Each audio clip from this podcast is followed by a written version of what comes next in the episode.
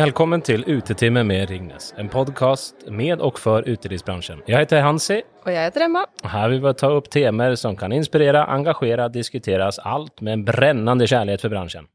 Ja, og ifølge en aprilundersøkelse fra Opinion og Norsk koronamonitor, så tror jo hele 86% av nordmenn på norgesferie i år. Og det er da en økning på 9 prosentpoeng fra januar. Og kun 5% av de spurte tror det blir ferie utenlands i sommer. Og i en undersøkelse Respons Analyse nylig har utført, så kommer det frem at nordmenn i snitt vil bruke 14 232 kroner på årets sommerferie, mot 12 375 kroner i fjor, så det er en økning på 20% og det kommer nok litt av at den økonomiske usikkerheten er mindre enn i fjor, og disse pengene vil jo altså da bli brukt stort sett i Norge, til glede for bedrifter og bransjer innenfor servering, overnatting og reiseliv, som virkelig trenger en god sommersesong for å overleve. Og reiselivet sysselsetter jo 180 000 mennesker her i landet, så viktigheten er enorm for distriktene, også for integrering og inkludering. Men hvordan står det egentlig til blant norske hoteller og destinasjoner, og hvordan har de kommet seg gjennom dette året? Er de klare for sommeren? Hva er forventningene til tiden fremover? Og I dagens sending får vi besøk av CEO for Choice, Torger Silseth, og konserndirektør for Thon Hotels, Morten Thorvaldsen. Vi skal også snakke med tidligere norgesmester og landslagskokk Halvard Ellingsen, mannen bakom den fantastiske destinasjonen Kvitnes gård. Og der har jeg vært. Det er veldig bra. Altså, du har snakket mye om det, om Kvitnes gård. Jeg gleder meg til å snakke med Halvard.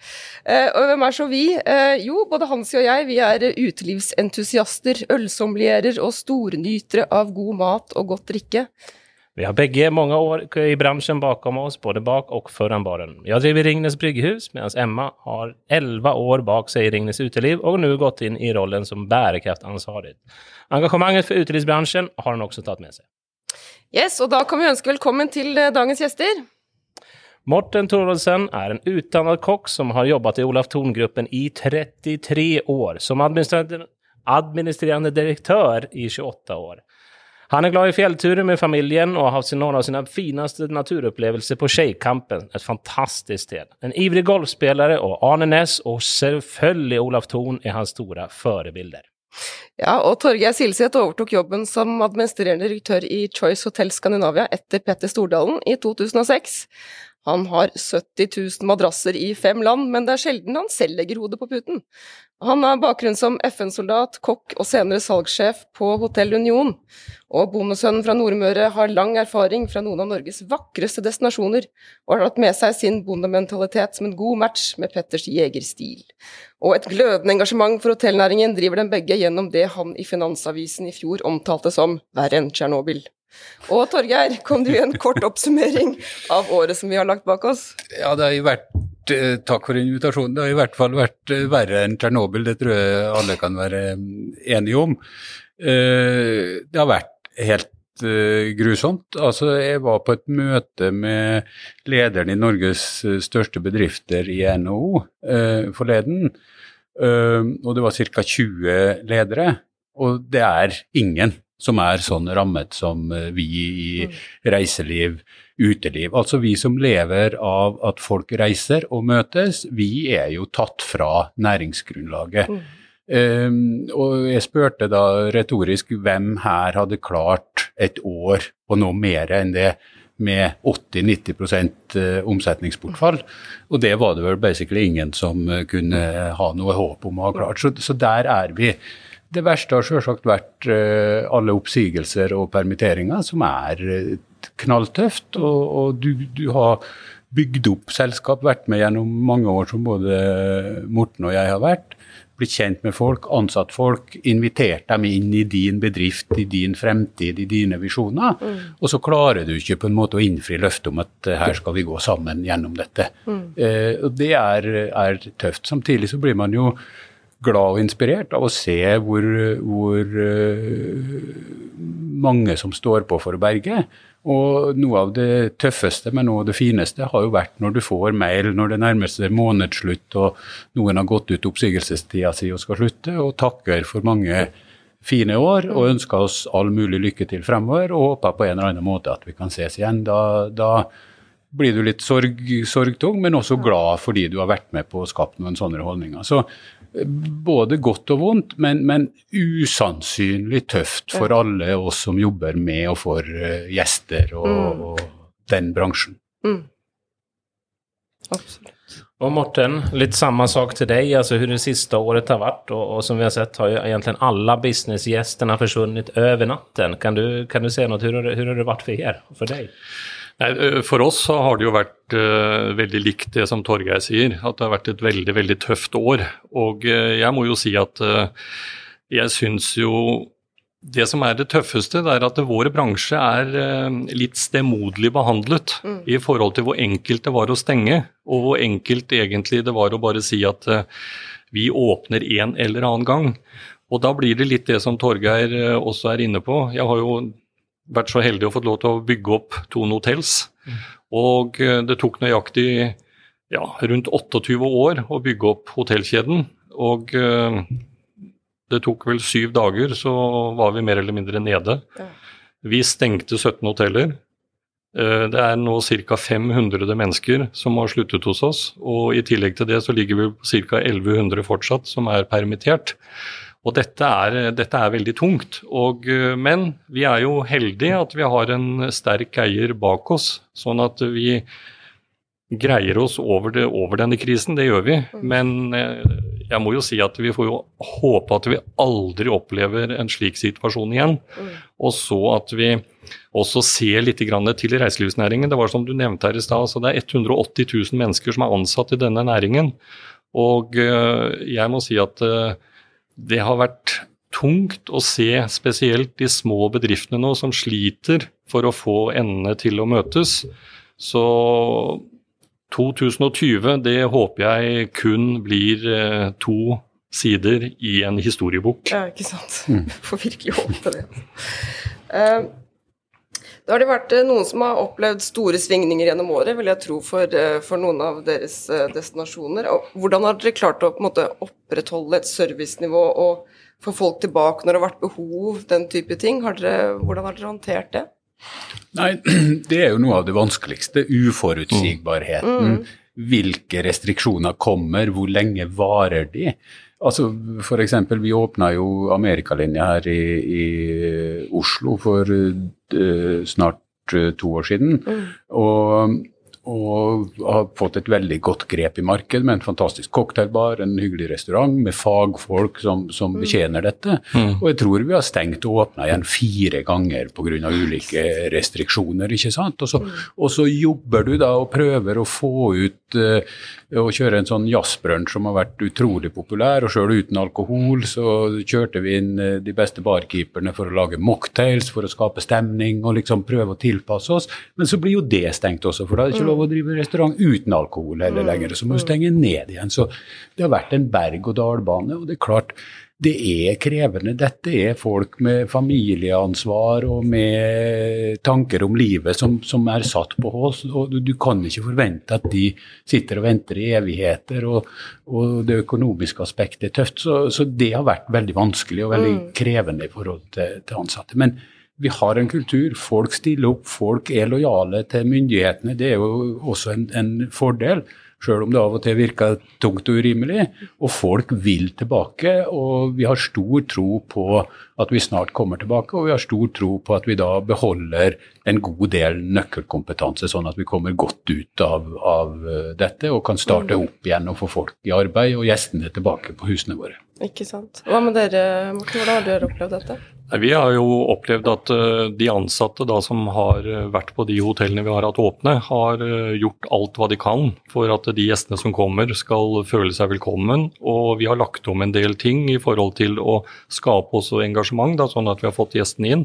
Men det som har vært en utfordring, det er akkurat det samme som Torgeir sier, at vi, vi har f.eks. hatt noe underholdning osv., hvor du har servert alkohol, og så måtte du stenge det ned igjen, for du har ikke fått lov til å servere alkohol. Så, så det som, forutsigbarheten har vært veldig veldig vanskelig. Mm. Og det gjør igjen at eh, folk hos oss blir usikre. Og igjen da søker andre veier hvor de da kan uh, få inntekter. For vi, vi, må jo heller ikke glemme det at uh, de har sine utgifter. Mm. Og uh, blir du permittert, så har du bare 60% av lønnen din. Mm. Og, eh, så, så, vi må bare dessverre regne med at eh, en del går over i an, andre bransjer. Mm. Men det som er eh, viktig nå videre fremover, det er å se muligheten. For det er jo en mulighet også i en krise. Og det er jo de mulighetene nå vi må gripe. Om det så er hoteller eller om det er restauranter osv., så, videre, så så må vi gjøre endringer. Og de mm. endringene de må vi være klare når vi da åpner. Og jeg håper at innen sommeren så er alt åpent igjen, forhåpentligvis. Ja, vi får håpe det. ja, altså når du nevner sommeren, og, og vi sier altså fra, fra nesten tomme hotell og nedstengte hotell og koronahotell, altså hva, hva, har vi for forhåpninger på, på sommeren som kommer? Nei, Jeg har store forhåpninger, det har jeg. Kanskje litt mindre, mindre positivt akkurat når det gjelder Oslo sentrum. Mm. Men når det gjelder landet for øvrig, så ser jeg positivt på det. Men da er det også viktig at vi nå kan tilby ting som de norske turistene setter pris på, mm. sånn at de kan feriere videre i Norge. Og, og det, er, det, som er unikt med Norge, det er jo dette med naturen, med luften, og egentlig også det at du kan gå veldig mye fritt rundt. Men eh, det som også er viktig, selvfølgelig, det er at vi da på hotellene og på restaurantene tilbyr egentlig det vi føler vi bør tilby, og det er å være lokale. Ja. Og jeg tror dette med lokal forankring, det kan vi ikke få solgt inn godt nok. Så, så det, er en, det, er en, viktig ting, i hvert fall i Tone Hotels, og det tror jeg vel egentlig er både i Scandic og i Choice og det hele. Mm. Nå er vel eh, Choice og Tone, det er vel vi to som fighter mest rundt omkring i Norges land, men det er jo det som er spennende òg, da. Det er det som er spennende. Så når Torgeir sier at nå skal jeg åpne en ny bar, så sier jeg også at vi må ikke være lenge etter, vi heller. Så, så det er dette med det er dette med rett og slett at eh, hotellene og restaurantene vi må spille hverandre gode. Mm. Og det er utrolig viktig for at vi skal få den norske turisten til å bli og feriere i Norge. Ikke sant. Hvordan jobber dere med destinasjonene deres, eh, Torgeir? Nei, det, er jo, det som har skjedd her, er jo at uh, vi har jo blitt oppmerksomme på det sterke innenlandsmarkedet. Så mm. selvsagt noe av dette er jo innelåst kjøpekraft, som ikke kan reise til Frankrike og Spania og alle andre eh, steder. Men, men, noe kommer nok også til å sette spor langt etter pandemien, som oppdager at Norge har et fantastisk feriefritidstilbud ferie- og fritidstilbud å, å, by på. Og det er jo lokale eh, aktiviteter, unike aktiviteter. Altså Før så var jo vi, vi eh, hos Ringnes, og en stund så var jo øl bare noen få brands. Det holdt jo på å bli snart bare ett eller to igjen i Norge. Og nå jeg vet jeg vet ikke hvor mange det mm. er. Og det viser jo dette at folk søker det unike, folk er nysgjerrige, mm. folk vil oppleve mat, drikke, ulike hotelltyper. Vi ser det større etterspørsel etter billighoteller, men det er også større etterspørsel etter, etter butikk og, og luksushoteller. Mm. Det er større etterspørsel etter, etter, eh, steder med historie, der du, der du, tar del og lærer noe samtidig mm. som du bor og opplever. Så innenfor mat, drikk, eh, overnatting, så er det unikitet som på en måte driver markedet fremover. Mm. Og, og, som Morten er inne på, så dette med det eh, lokale. Og der er jo vi helt avhengige av opplevelser, andre gode restauranter, eh, kulturevenement. Hele dette er jo en sånn uh, ting som henger sammen, og gjør, mm. gjør, da at vi kan levere gode overnattingstjenester og, og god mat og drikke, mm. men vi er avhengig av at andre gjør det samme, at du har kulturopplevelser og at du har liksom en helhet i Det er jo det som skaper en, en eh, destinasjon. Og det er jo det som skaper etterspørsel ja. eh, også. Det er, jo, det er, jo, interessant nå. Verden er jo snudd på hodet. Mm. Før så var liksom drømmen å ha hoteller, store hoteller på flyplasser og i storbysentrum. Nå er jo det det verste vi kan ha, Morten. Ja. Nå, er det jo, nå er det jo Ålesund eller Lofoten eller, eller på fjellet eller et uh, resort spahotell som som svinger, mens flyplasshotellene og byhotellene står jo stort sett tomme. Så verden er snudd opp ned. Ja, ikke sant. Mm. Og, og, men, altså, jeg hørte det på, på nyhetene i går, det så snakket om dette at nordmenn har virkelig oppdaget Norge som en destinasjon. Da. Mm. Eh, men hvordan kan vi da eh, holde på disse norske turistene eh, som nå ferierer hjemme, men som ellers legger, eh, legger sommerferien til utlandet? Da må vi legge til rette for dem. Mm. Og eh, vi må være bevisst på det og eh, det vi selger, det er det vi går god for. Mm. Det er utrolig viktig. Mm. For jeg tror nok eh, hvis du reiser utenlands, så syns du det er mer greit at det kan skjære seg et par ganger. Sånn sett, når du er ute og reiser. Men akkurat i Norge, da skal du ha det ordentlig og eh, tilrettelagt til enhver tid. Så det, det tror jeg er viktig at vi Det vi selger, det er det vi, det vi tror på. Mm. Godt, eller Vi har et godt eksempel da, i Thon Hotels. Det er jo det hotellet vi har i Kautokeino. Altså Hva er det du skal selge der? Altså det, det kommer jo ingen, selv om jeg blir kritisert mange ganger, men det kommer ingen for å bo i hotellsengen. Nei. Så enkelt er det. Mhm. De kommer for å oppleve noe. Og der har du jo dette med naturen. Du kan ut på vidda, du kan eh, isfiske på denne tiden av året osv. Men det er troverdighet i det vi selger, og det er utrolig, utrolig viktig. For det er det, det folk setter pris på. Og så må vi ha hotellene og restaurantene våre åpne, selv om ferien i Norge sånn sett er kort. Den går fra 1. juli til 1. august. Så vi skal egentlig tjene per tid, da, så skal vi tjene pengene våre på 25 dager. Som da skal redde oss i resten av 11 månedene. Men det er det at eh, vi må ha de etablissementene som da er rundt omkring i Norges land, de må også være åpne. Sånn at du får mat, du får opplevelse, og du kan også sjekke inn på hotell. Mm. Det er viktig. Tage, du pratade om att du har, stängt och öppnat fyra gånger. Och jag, jag, jag anar nu visst kanske en liten catch-up-effekt nu när sommaren kommer. Hur, hur jobbar ni med det?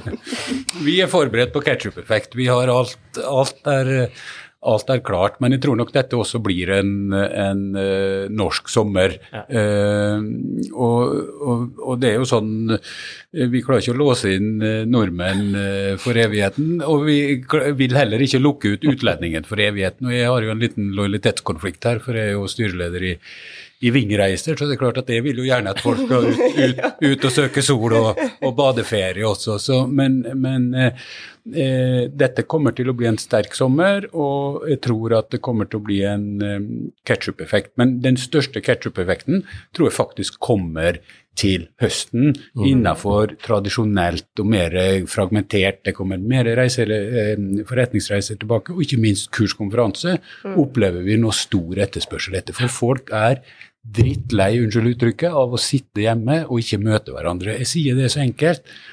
Fra det første urmennesket gikk opp på fjellet og så ned i neste dal og så at det var noen andre der, og valgte å gå ned, så har vi vært sosiale ve- vesener. Vi blir bedre foreldre, ledere, kjærester, what not, av å være sammen.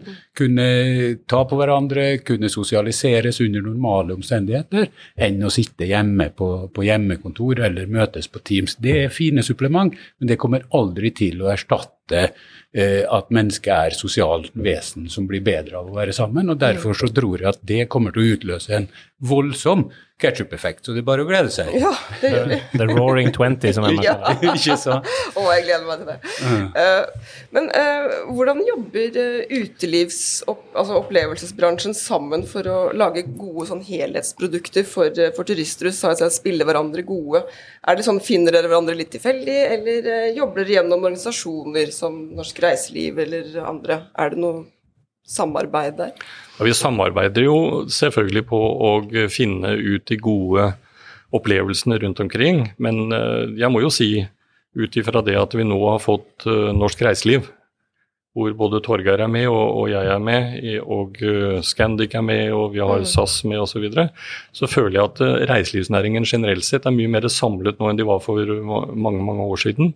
Og det tror jeg også gjør at eh, vi er mye flinkere nå til å finne, finne ting i fellesskap og, og skape ting i fellesskap. For det er jo, selv om eh, Torgeir er styreformann i Ving, så er han jo like opptatt som, som jeg er å få gjestene våre rundt omkring på hotellene våre, og få gjester også inn til, til Norge. Og da er vi flinke til å lage pakker i fellesskap. For jeg må si at eh, når det kommer en tysk turist, da, bare for å ta et eksempel, inn til, inn til Norge, om man bor på Choice eller om man bor på Thon, det er jo hyggelig om man bor på en av de, eller Scandic eller Radisson osv. For hvis det regner, som det heter, hvis det regner på presen, så drypper det på klokkeren. Sånn er det i reiselivsnæringen også. Mm. Og Derfor så tror jeg det som norsk reiseliv har fått til, det er utrolig viktig at vi samhandler mye mer enn det man gjorde tidligere.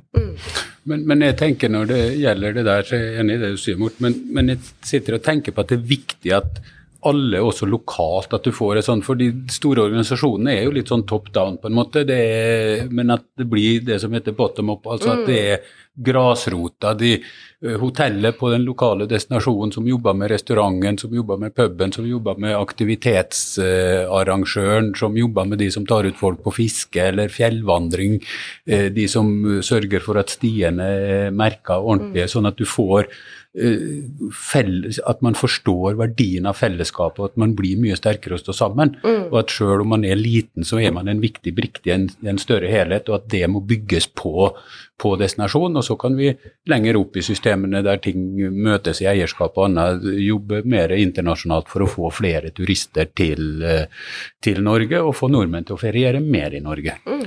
Men, det, men, det, er utrolig viktig, akkurat det Torgeir sier her. Vi er like avhengig av de små som vi er avhengig av de store. Og det gjelder hoteller, men det gjelder også restauranter. Og det gjelder mm. også barer. Den lille barn er kanskje like viktig, ikke bare kanskje, men er like viktig som egentlig den store som uh, Torgeir har på Amerikalinjen, mm. eller jeg har på Tone Hotell Opera. Så, så, jeg tror denne samhandlingen i reiselivsnæringen generelt sett Egentlig så burde det hett opplevelsesindustrien. Ja, ikke sant? Mm. Men Tenker dere at denne samarbeidet som dere prater om mellom de store kjedene, kan være med å hjelpe og sikre bedre rammevilkår altså for konkurranse i framtiden? Ja.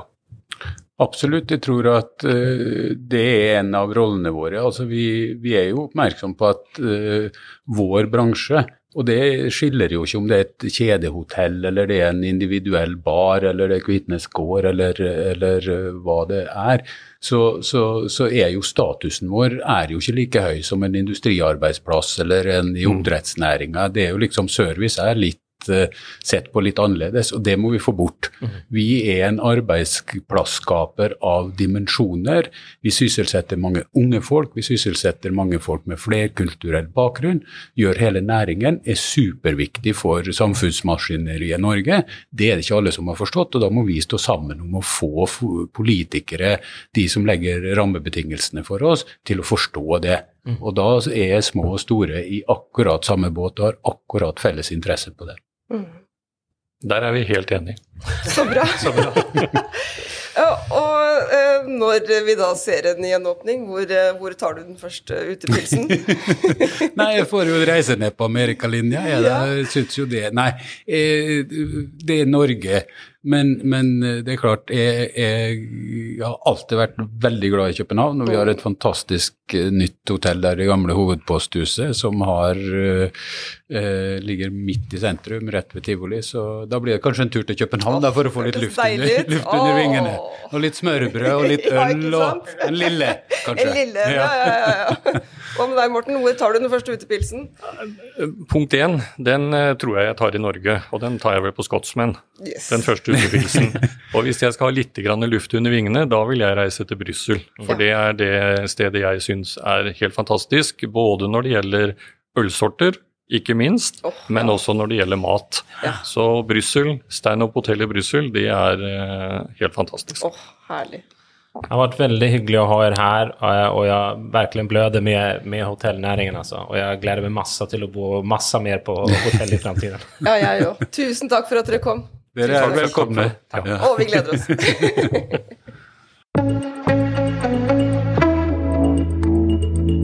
Dagens utelivsprofil er Halvard Ellingsen.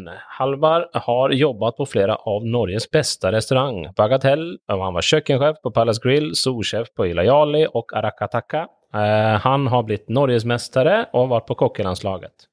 Så bestemte han seg for å gjøre noe annet. Han bygde opp noen fra bunn Eh, og Kvitnes gård hadde alt Halvard trengte. På gården til tipptippoldefaren, eh, som han en gang eide, har halv Halvard brukt fire år på å bygge opp en restaurant for eventyrernes ganer. Født og oppvokst i en familie som sankt, slaktet og fisket, har Halvard lært seg å se potensial i råvarene som har blitt oversett og ikke brukt. Så hans dype respekt for det som vokser rundt omkring oss, skaper grunnlaget for filosofien til Kvitnes. Halvard, først og fremst, hvordan kommer man seg til Kvitnes gård? Ja, det er et godt spørsmål. Nei, eh, hvis du tar utgangspunkt i Oslo, så flyr du enten til, eh, til Evenes eller via Bodø og til eh, Stokmarknes-Skagen. Eh, fra Evenes er det to timer med buss til Sortland. Eh, jeg vil anbefale en leiebil, for hvis du kommer til Sortland, så er du fremdeles et stykke unna, og utover hit går det ikke med buss. Så en leiebil til fra Evenes, og så kjører man bare til Kvitnes. Det tar en, ja, rundt tre timer på en sånn siste halvdelen, en sånn livsfarlig vei med tungtrafikk mot deg og altfor smale veier. Wow. Og veldig masse humper. Så det, det er liksom Det skal være verdt. Du skal overleve. Og da lover vi at vi skal prøve å lage noe god mat. Uh, og hvis du flytter til Stokmarknes, så er det en time å kjøre. Samme, samme vei, stort sett. Ja, Du har jo dratt fra et eh, hektisk liv som kokk i Oslo og valgt å starte for deg selv i eh, Vesterålen. Hva har det egentlig gitt deg, og hva vil du anbefale andre som har en sånn drøm å gjøre? Nei, altså det, ble, det var hektisk i Oslo, men det er jo mer hektisk nå. Eh, eh, men eh, altså det å få flytta hjem og få liksom eh, brukt alt det Altså Oslo var en sånn soletripp eh, der jeg bare skulle flinkest mulig kokk. Men liksom å få Mm. brukt alt det og satt det liksom i system og, eh, og gjøre det har vært veldig givende og frustrerende. For man vil jo ha ting gjort nå. Eh, altså, eh, men det er jo ikke bare en restaurant og overnatting, men det er jo Jeg bruker jo mye, like mye tid på gårdsdrift og lese meg opp på traktorer og Ja. alt det der. Så det, det er veldig artig. Og så er det det at vi har ikke tilgang på alt der oppe. Altså sånn, vi har jo satt ganske sånn strenge regler på hvor vi bruker mat fra. Det skal være fra Lofoten, Vesterålen eller Senja. Mm. Og da må vi liksom jobbe med det og være kreative rundt det. Så det er også kjempeartig. Og så er det jo flere som har gjort sånn som jeg, altså sånn som Elise Rønningen, som har flytta hjem til Utskarpen. og Mm. Eh, Ronny Kolvik som har flytta hjem til Ålesund og åpna der. Og så det er dritkult at vi kan liksom, at det kan smake godt flere plasser enn kun Oslo, Stavanger, Trondheim, eh, Ja, Bergen. Mm. Uh, At vi kan liksom få det fordelt utover. Mm. Uh, og så er det jo litt det, det, Jeg tror det er viktig at man flytter hjem. Eller at man flytter en plass der man ser for seg at man skal være en stund. Ja. Eh, sånn at man får liksom brukt tid på å gjøre det. At Mm. man ikke blir liksom bare et år. Eh, Og det er mange som sånn andre destinasjoner som mindre, som ikke har kokker og sånn, som skal åpne, som ringer liksom og spør meg om enten om jeg skal gjøre noe nytt eller rekruttering og sånn. Så sier jeg bare altså jeg blir her, men de, som, eh, de man skal hente inn, så hent dem så tidlig som mulig. Mm. De eierne av de hotellene. Og la dem være med å utvikle det. Og liksom bruke eh, de flinke kokkene vi har til å liksom være med og lage plassen. Ikke bare komme til en sånn ferdig satt ramme. og Da blir man liksom lei. og ja, Man må liksom involveres, og så må man få lov til å altså Jeg er såpass heldig at jeg får lov til å gjøre akkurat det jeg vil. Ja. Det er jo noen begrensninger som er økonomisk. Men eh, altså eh, Det å, å utvikle og drive og liksom være tru mot det konseptet, Mm. og finne det som er rett, tror jeg er sånn kjempeviktig. Og det er det som er jævlig artig også. Vi har snakket litt tidligere med, med de andre gjestene også dette med, med viktigheten av eh, lokalmiljø og samspillet mellom lokale aktører. Hvordan er det for deg? Hvor viktig er det lokale miljøet der og, og de andre eh, i området? Og det er veldig viktig. Altså, den bygda som altså den Kvitnes, der vi er, der bor det vel en 700-800 gjester. Nei, ikke gjester, men eh, Alle er en potensiell gjest, ja. Jo da, men eh, innbyggere. Og det er gjennomsnittsalderen er vel på eh, 140. Eh, så, og det har liksom ikke skjedd så mye her. Eh, det er fraflytting og gamlehjemmet er største arbeidsplassen.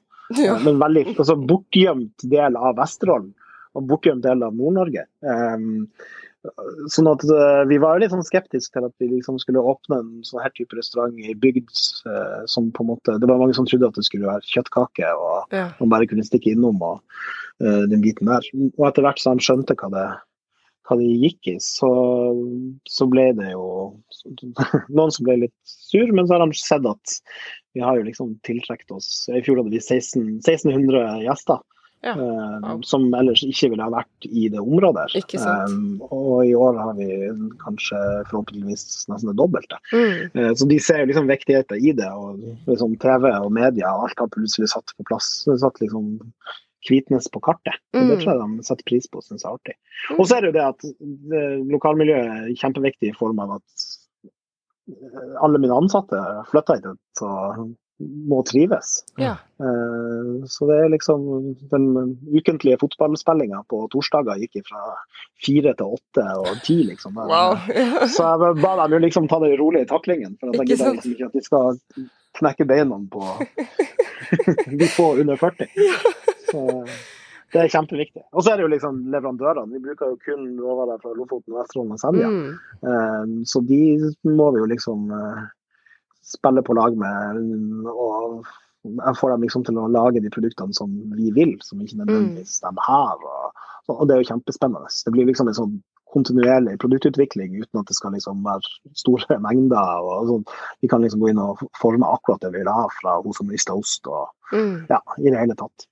Så det er veldig artig. Ja, det ska jag ju säga att man känner ju verkligen att så här ska saker smaka, till och med på frukosten, de enklaste sakerna, allt från liksom brödet till smören, så tänker man liksom, det var, det var som att smaka på saker i 3D, alltså det var det, var det lilla extra hela, hela tiden. Men på vägen dit eh, så var det väl, ska jag säga, kanske en smula öde, så jag, till nästa gång jag kommer på besök så är jag väldigt nyfiken om du kan tipsa mig om tre spännande liksom upplevelsesaker i din lokalmiljø? Altså Foruten din fantastiske restaurang, vil jeg da nevne. Ja, og det er jo mye fint å, å ta av. Så kommer det litt an på hva man, eh, hva man har lyst til å gjøre. Men eh, mine liksom tre plasser som jeg liker å fære til, eh, det er liksom Bleik på Andøya, som er en sånn lita bygd som, der folk bor tett i tett i tett. tett eh, forblåst. Vanvittig fint. Neste plass er liksom Grønland. Store bølger, og du, du lever liksom i naturen. Mm. Eh, Det er en fantastisk TV-serie med Alex Rosén og Aune Sand, som bodde der i fjor sommer i en Ja, måned. Og, som, er- og som viser liksom lokalsamfunnet der også, som er sånn veldig sånn inkluderende. Så, eh, og fint. Vi var der for et par-tre uker siden, jeg og, og samboeren min, og leide en sånn Airbnb-leilighet midt på stranda. Dritfint. Mm. Nice. og der er det liksom på Og, og Andøya og Andenes eh, og Bleik er liksom neste der, Det er sånn turist, tror jeg. Eh, Der er, har du liksom midnattssol på sommeren Mm. eh, og hvalsafari hvalsafari året rundt. Og så er det vel den plassen med størst sannsynlighet for nordlys på vinterstid. Så du har liksom alt det. Og så er det jo et eh, fiskesamfunn med altså fiskemottak og hele greia. Så der er det liksom virkelig Og så skal de bygge et sånt gigantisk hvalforskermuseum som heter The Whale for 200-300 millioner. Som en sånn spektakulær bygning som de skal begynne, forhåpentligvis begynne å bygge ganske snart. Så det er Bleik og, og Andøya er skikkelig kult. Der er, det liksom, der er du tett på, på naturen, for å si det sånn. Og så er det jo Niksund, som er et sånn gammelt nedlagt fiskevær i Øksnes i Vesterålen. Eh, når jeg var liten, så begynte vi å kjøre dit, og da var det jo fraflytta. Altså på 70-tallet, når, eh, når man gikk fra båt til bil, og de ikke gadd å bygge vei dit, så flytta de fra der. Eh, og de, de liksom bare satt fra seg kaffekoppen og gikk. Så når jeg var liten, så var det sånn spøkelsesby og alt knirka. Men nå har det liksom flytta masse tyskere og nederlendere som driver med yoga og åpner nattservering og overnatting. Men det har en sånn egen, helt egen sjarm. Og der, nå er det jo vei, da. Eh, Så, og det er sånn at du, eh, du er glad når du kommer fram, for du går liksom rett ned på alle sider og kommer litt sånn litt for mye turistbusser. Men ikke i år, eh, men, eh, og ikke i fjor. Men tidligere så er det litt, litt for mye tyskere. Men uh, veldig fint. Og en, god liten spiseplass her som heter Ekspedisjon. Som heter Ringo, en tysker som uh, lager god og ærlig mat. Det er kjempebra. Litt som en hipp, Och så är det ju- Ja, det er litt sånn, da. Men det har kommet seg. Det var verre før. Da, var det liksom, da trodde du at alle drev og Det lukta det hasj i hele Nå har det roa seg litt. Herlig. Jeg ser jo Og Ja. Och så siste Kör. tips. eh, Henningsvær Å ja, i. Lofoten. Mm. Uh, og der er det jo uh, hun som lager alt av porselenet, uh, ikke porselenet, keramikken vår. som Cecilia Haaland har et eh, fantastisk lite sånn utsalg midt på torget som heter Engelskmannbrygga. Og hun lager alt av eh, det vi serverer maten vår på. Mm. Eh, og jeg prøver å forklare henne hva, hva jeg vil ha, og så kommer det ikke det jeg prøvde å forklare, men noe som er mye finere eh, i retur. Så det er sånn konstant eh, ut, sånn utvikling fra hodet som jeg eh, vi bare bygger oss flere og flere tallerkener. Så det er- det spennende. Jeg får eh, en ny pakke i morgen og ser hvor, hvordan det ser ut. Eh, og der skal jo han Svein, som driver Einer i Oslo, de hadde en pop-up-restaurant der i fjor og skal ha det i år også. Det heter Einvær. Og så er det jo en sånn hipster-fødested. Det er jo Trevarefabrikken. Der er det liksom eh, Det er flere hipstere der enn det er på, på Youngstorget. Wow. der, Der må man også innom. Men, og, men Henningsvær er jo litt det samme som, som Nyksund. At det er sommeren så er det tjåka fullt av turister. Så hvis man skal mm. nordover i år, så må man liksom benytte anledninga til å For jeg tipper til neste år, når ting åpner opp igjen, så er det Eh, veldig fullt der. Mm. Men Henningsvær eh, fint, altså. Åh, nå vet jeg hvor jeg får lyst til å dra i sommer. Må booke, fort nå, for det blir vel eh, det blir fulgt opp ganske snart, tenker jeg. Ja, det, vi begynner å bli relativt fullbooka. Vi ja, har vel uh, juli, så der er det ikke mye bord igjen. Nei, nå hørte Hansi mase om Kvitnes gård i måned etter måned der, så jeg må, må, komme meg opp. Det høres fantastisk ut. Og jeg ser jo at du bruker mye lokale råvarer i maten din. Hvilken norsk råvare syns du vi har eh, oversett altfor lenge? Eh, det er jo masse Altså den er sånn Det begynner å bli litt sånn oppbrukt, da. Men det er jo en trøffeltanga som ja. folk liksom kan plukke overalt. Mm. Eh, den har jo blitt liksom oppdaga de seneste årene. Vi går jo liksom 30 meter fra kjøkkenet og ned i fjæra og plukker og kan plukke mm. så mye vi vil. Vi kanskje begynt å bli litt lei av dem. Men det er jo mye liksom i, i strandsona som er artig. Altså, ta, andre tang- og taretyper og strandsnegler og eh, Så er det jo ikke alt man får lov til å egentlig få lov til å servere heller. Du skal liksom ha dyre, ubrukelige vannprøver på det også, men vi har noen dykkere som heter haneskjelt oss innimellom også. Det er jo liksom mindre, mindre kamskjell, som er dritgodt. Mm. Men de er jo liksom eh, på størrelse med lillefingeren, eh, muskel, så det er smått.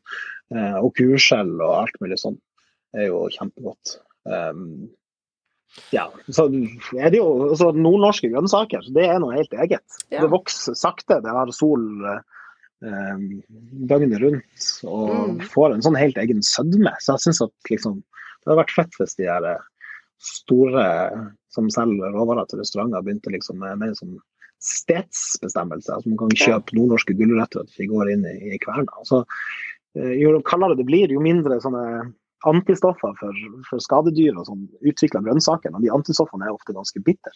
Og når man kommer ah. såpass langt nord som vi er nå, så er det lite skadedyr. og og sånt, så da blir de ekstra søte. De blir ikke søtere, men de blir ikke så bitre. Mm. jeg prøvde, prøvde grønnsakene der oppe. Jeg syns det var helt klart artig. Jeg, jeg tror kanskje denne trøffeltangen er litt mer low hanging fruit for meg. At jeg skal gå ut og lete litt i fjæren her i, i sommer for det. Vi kjøpte også saltet der oppe, så vi har ikke inte mm. tröttnat på det helt tatt ändå. ännu. Eh, jag tänkte avslutningsvis frågar vi alltid utelivsprofilen här. Var blir den första utepilsen i sommar? Uh, det, blir jo Jeg skal jobbe i sommer, så det blir jo i, jeg kjøpte ei hengekøye for noen år siden. Jeg angrer mest på at jeg ikke kjøpte to, for jeg får aldri bruke den, for det er noen andre der. Så det blir vel hjemme i hagen i hengekøya når de andre har lagt seg. det høres veldig deilig ut, det. da. Oppe i ja. midnattssolen og ah, Herlig. Herlig. Du, tusen takk skal du ha. Eh, lykke til, og jeg håper at jeg klarer å booke meg en plass oppe hos deg eh, i eh, meget nær fremtid. Lykke til i sommer. Vi på fredagen, så det Tusen takk for din tid. Tusen takk. Ha det bra. Ha det godt. Ja, hotellnæringen skal eh, uten tvil, håper vi, opp igjen. Og som eh, Morten og Torgeir sa, det å skape gode destinasjoner over hele Norge, det er noe man gjør sammen. Store og små i godt samspill. Og overnattingssteder, serveringssteder og opplevelsesselskaper må ha bra kvalitet på det de leverer. De, de, færreste reiser jo til et hotell i Lofoten for å sove i en seng, de er der for å oppleve det som skaper destinasjonen. Og gjennom å levere på det, så vil vi forhåpentligvis få en god miks av norske og utenlandske gjester i årene fremover, og bevare mangfold, kreativitet og disse unike opplevelsene. Ja, helt klart. Efter 20 år i Norge har jeg nå aldri reist så mye i Norge som i år. Mm. Lofoten, Bodø, Stavanger, Trondheim, Kristiansand og allting for restauranter som destinasjon. Jeg og min familie har til og med kjøpt oss et telt. Det blir spennende. Så jeg tror nå, om vi kjenner oss selv godt, så blir det nå en hel del hotell i sommer også. Du har blitt det vi kaller en norgesvenn. Da er det Marius-genser neste. Vet du hva, Marius Helt klart. Jeg har en islandsgenser, sa jo, men Marius-genser skal det også bli. Ja, bra. Da sier vi takk for i dag, og ikke minst takk til produsent Nils Nirisrud og våre flotte gjester Torgeir Silseth, Morten Thorvaldsen og Halvard Ellingsen. Takk også til ansvarlig redaktør Johanna Ellefsen Rostad. Ta gjerne kontakt med oss om du har tips på gjester, tema eller om vi berette om en destinasjon i Norge. Vår e-mailadress er utetimme.ringnes.no, og eh, husk Lik, del og abonner!